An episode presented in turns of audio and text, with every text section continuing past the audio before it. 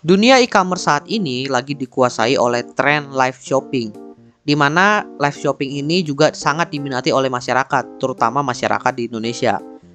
Kira-kira apa yang menyebabkan tren live shopping ini sangat diminati oleh masyarakat dan dapat bertahan sampai sekarang ini? Mari kita bahas hanya di Opsiana Podcast di kasus episode kali ini.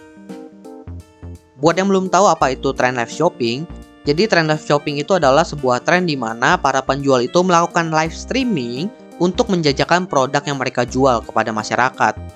Fitur live streaming sendiri adalah fitur yang bisa dibilang fitur jadul ya, fitur lama di mana orang itu melakukan live streaming untuk berinteraksi dengan para followersnya.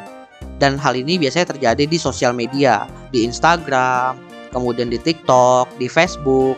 Dan fenomena live shopping ini sebenarnya sudah ada beberapa tahun ke belakang, bahkan sebelum TikTok meledak.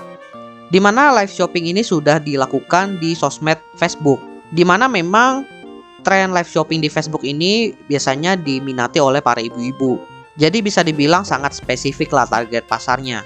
Dan di Instagram sendiri pun beberapa brand atau beberapa toko itu juga cukup sering melakukan live shopping di mana mereka itu streaming sambil nampilin produk-produk mereka. Cuma memang mau di Facebook ataupun di Instagram ini ketika melakukan proses transaksinya itu benar-benar hanya berlandaskan asas percaya saja. Booking produknya kemudian hubungi customer service-nya, transfer, kemudian barulah ditunggu tuh barangnya dikirim atau enggak, enggak tahu. Lalu muncullah TikTok yang menghadirkan fitur yang benar-benar live shopping, di mana ada button check out untuk membeli produk tersebut. Kemudian dari segi transaksi semuanya dinaungi di dalam aplikasi TikTok, sehingga kesannya itu transaksi jauh lebih aman. Dan sepertinya para pemain e-commerce itu tidak mau kalah dengan para pemain sosmed, di mana mereka juga menghadirkan fitur live shopping di aplikasi mereka seperti di Shopee dan juga di Tokopedia sebelum merging dengan TikTok. Pertanyaannya adalah kenapa live shopping ini sangat diminati oleh masyarakat sampai sebegitunya? Padahal bisa dibilang e-commerce itu sudah ada dari zaman-zaman kapan, tapi tidak sampai seperti ini. Setidaknya di sini ada tiga alasan yang sudah gua temukan dan gua analisa. Alasan yang pertama adalah karena FOMO, fear of missing out. Jadi bisa dibilang ini adalah kondisi ketika orang itu tidak mau terlewatkan oleh suatu informasi, suatu tren. Istilah FOMO ini bisa dibilang sering terdengar dari ranah sosmed, di mana banyak orang bikin konten yang tren kemudian viral, kemudian karena FOMO diikutilah oleh orang lain. Pertanyaannya apakah istilah FOMO ini hanya ada di sosmed? Jawabannya enggak. Hal ini juga terjadi di bidang e-commerce, di mana sering banget terjadi ketika event diskon besar-besaran, di mana diskonnya itu bisa dibilang sangat terbatas sampai orang-orang berebutan untuk bisa dapat diskon tersebut. Dan kemudian muncullah live shopping di sosial media yang menggabungkan kedua konsepnya, di mana mereka itu menawarkan produk yang viral ditambah dengan diskon dan promo yang gila-gilaan. Orang yang terkena FOMO ini akhirnya bisa lepas kendali dan akhirnya terus-terusan belanja melalui live shopping tersebut. Karena bisa dibilang tren itu nggak akan ada habisnya dan setiap toko pun bisa menghasilkan atau menciptakan promo-promo atau diskon tertentu tergantung kemauan mereka. Belum lagi dari sisi sosmednya juga ngeluarin promo sendiri sehingga ngebuat orang itu akan terus bertransaksi karena mereka nggak pengen diskon mereka itu hangus. Dan bahkan ya tren itu kan terus berganti nih. Bahkan bisa setiap hari ganti tren. Sehingga ada kemungkinan barang-barang baru muncul. Nah orang-orang yang terkena FOMO ini ada kemungkinan bisa terkena untuk membeli produk yang bisa dalam tanda kutip tidak mereka butuhkan. Oleh karena itu, ini bisa dibilang semacam lingkaran yang tidak terputus, membuat masyarakat itu jadi pengen terus transaksi. Alasan kedua kenapa live shopping diminati oleh masyarakat adalah karena adanya interaksi dengan penjual yang sangat interaktif. Meskipun kita itu tidak bertemu dengan penjualnya secara langsung, tapi interaksi yang diberikan dari penjual itu bisa dibilang memberikan efek seperti bicara langsung karena kita mengetikkan apa pertanyaan kita, kemudian dijawab oleh penjualnya. Sebenarnya ini kan fitur basic dari live streaming, tapi bisa diutilize dengan baik oleh para penjual live shopping. Justru ya interaksi seperti inilah yang membuat live shopping itu cukup trendy di Facebook dan juga Instagram. Karena kan di sana nggak ada fitur checkout, nggak ada fitur transaksi, jadi benar-benar pure live streaming aja dan fokusnya di interaksi itu.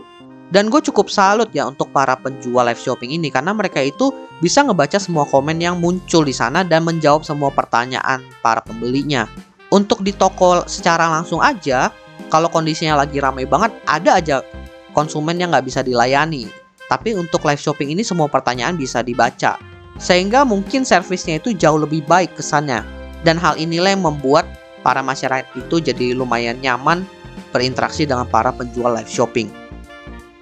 Dan kita masuk ke alasan terakhir kenapa live shopping diminati oleh masyarakat karena adanya influencer yang jualan juga. Ya namanya juga influencer ya. Mereka itu punya influence, mereka diminati oleh masyarakat sehingga apa yang mereka lakukan biasanya akan disorot oleh masyarakat, termasuk ketika mereka jualan. Perbedaan yang cukup timpang ketika mereka jualan lewat postingan dengan mereka jualan melalui live shopping adalah interaksi dengan fans mereka atau followers mereka yang bisa dibilang menjadi dua arah.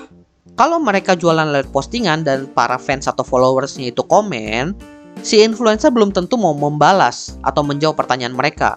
Tapi kalau live shopping, mereka diposisikan bukan sebagai influencer saja tapi sebagai seorang pedagang yang tugasnya balik lagi ke poin kedua harus berinteraksi langsung dengan konsumen. Jadi para fans mereka, follower mereka mau ngechat apa pun kalau berhubungan dengan jualan mereka harus jawab. Dan interaksi inilah yang bisa dibilang tidak bisa didapatkan secara langsung melalui postingan di sosial media. Jadi jangan heran ketika influencer itu mulai jualan sebuah produk, tiba-tiba lakunya itu bisa dalam jumlah yang besar bahkan nominalnya itu fantastis. Karena ya itu udah kombinasi mati lah. Interaksi langsung, influencernya sendiri punya influence ditambah dengan FOMO-nya. Udah tuh combo mati.